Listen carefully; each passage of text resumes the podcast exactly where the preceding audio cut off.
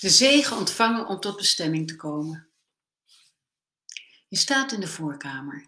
Ik zie je silhouet in het ochtendzonlicht dat door het raam aan de gracht naar binnen valt. Je bent aan het bellen en lang aan het luisteren. Ik vang flarden op. Dan hoor ik je zeggen: Ja, er rust inderdaad geen zegen op. Even later zit je aan tafel en nipt aan je koffie.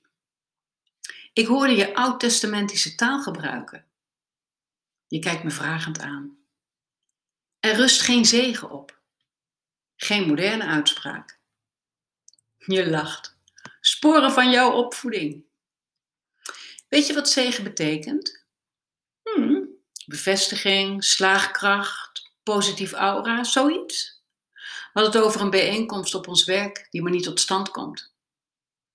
Slaagkracht. Verrassend woord. Kracht om iets te laten slagen. Mooi verwoord. In de oude geschriften heeft zegen een veel diepere duiding. Het komt van het Joodse woord berek. Het is een zeer krachtig woord. In de Joodse taal en cultuur is woord niet alleen een taalkundige eenheid die je gebruikt in spraak en schrift, maar ook een daad. Het woord roept iets op, het brengt iets tot stand. Berek brengt iets tot stand in je binnenste werkplaats. Daar waar je daden geboren worden, oftewel je, je vult aan, diepste hart. Precies. Daar waar niemand anders kan komen dan jijzelf. Waar je geheel jezelf kunt zijn en daar waar je God ontmoet.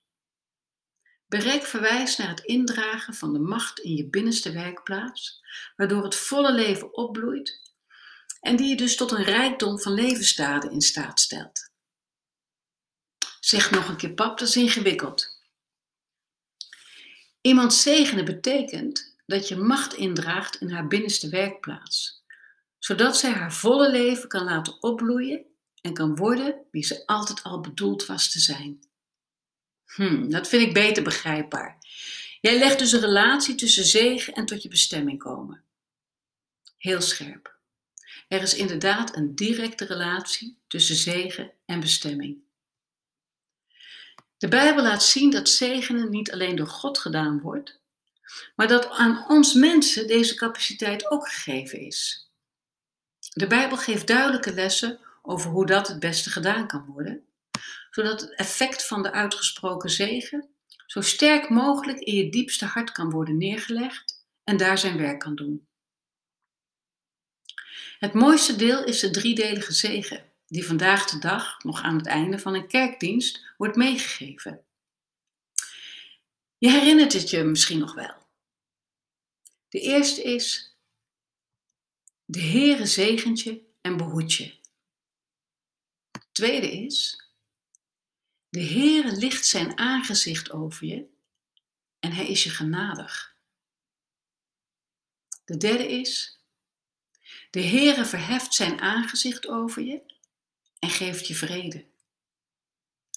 Die drie bouwen op elkaar en tezamen is het zeer krachtig om tot je bestemming te komen.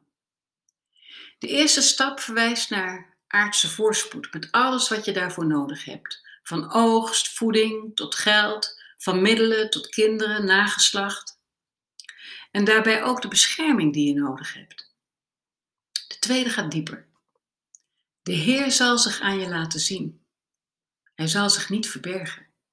Er komt verbinding tussen Hem en jou. Zijn licht schijnt over je en je wordt in Zijn licht gezet.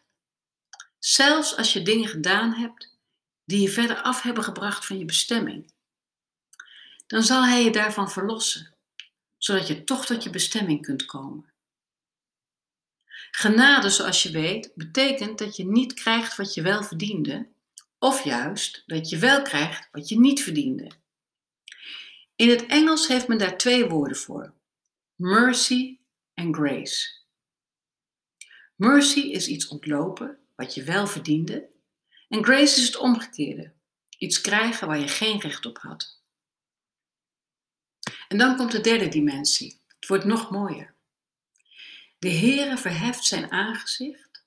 En dat betekent, hij heeft zijn oog op jou laten vallen. Oftewel, Hij geeft zich in liefde aan je met al de rijkdom van zijn wezen. Je kent de uitdrukking wel, een oogje op iemand hebben. En het rijke effect is dat je een diepe rust van binnen zult ervaren, de vrede. Het gaat hier niet om het tegenovergestelde van oorlog. Nee, het gaat om de volledige innerlijke harmonie van geluk en vrije levensontplooiing. En die ervaar je wanneer je tot je bestemming komt. Ik kijk je aan, nu een beetje onzeker, omdat ik niet goed weet of ik misschien ergens onderweg ben kwijtgeraakt. Je kijkt me intensief aan. Oh, dat is prachtig. Is dat echt mogelijk? Gezegend worden en tot je bestemming komen, diepe vrede ervaren? Ja, dat is waar de mystici over schrijven en al heel veel eeuwen lang. De zegen is een belangrijke steun die je je hele leven begeleidt. In het Oude Testament zegent de vader zijn kinderen wanneer ze het huis uitgaan. Voel je de symboliek hier? De kinderen verlaten het ouderlijk huis, gaan op eigen benen staan, op weg naar hun eigen bestemming. En vader geeft ze de zegen mee.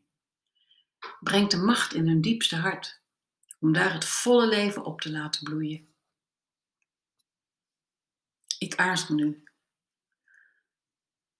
Mag ik jou zegenen? Nu? Ja, nu?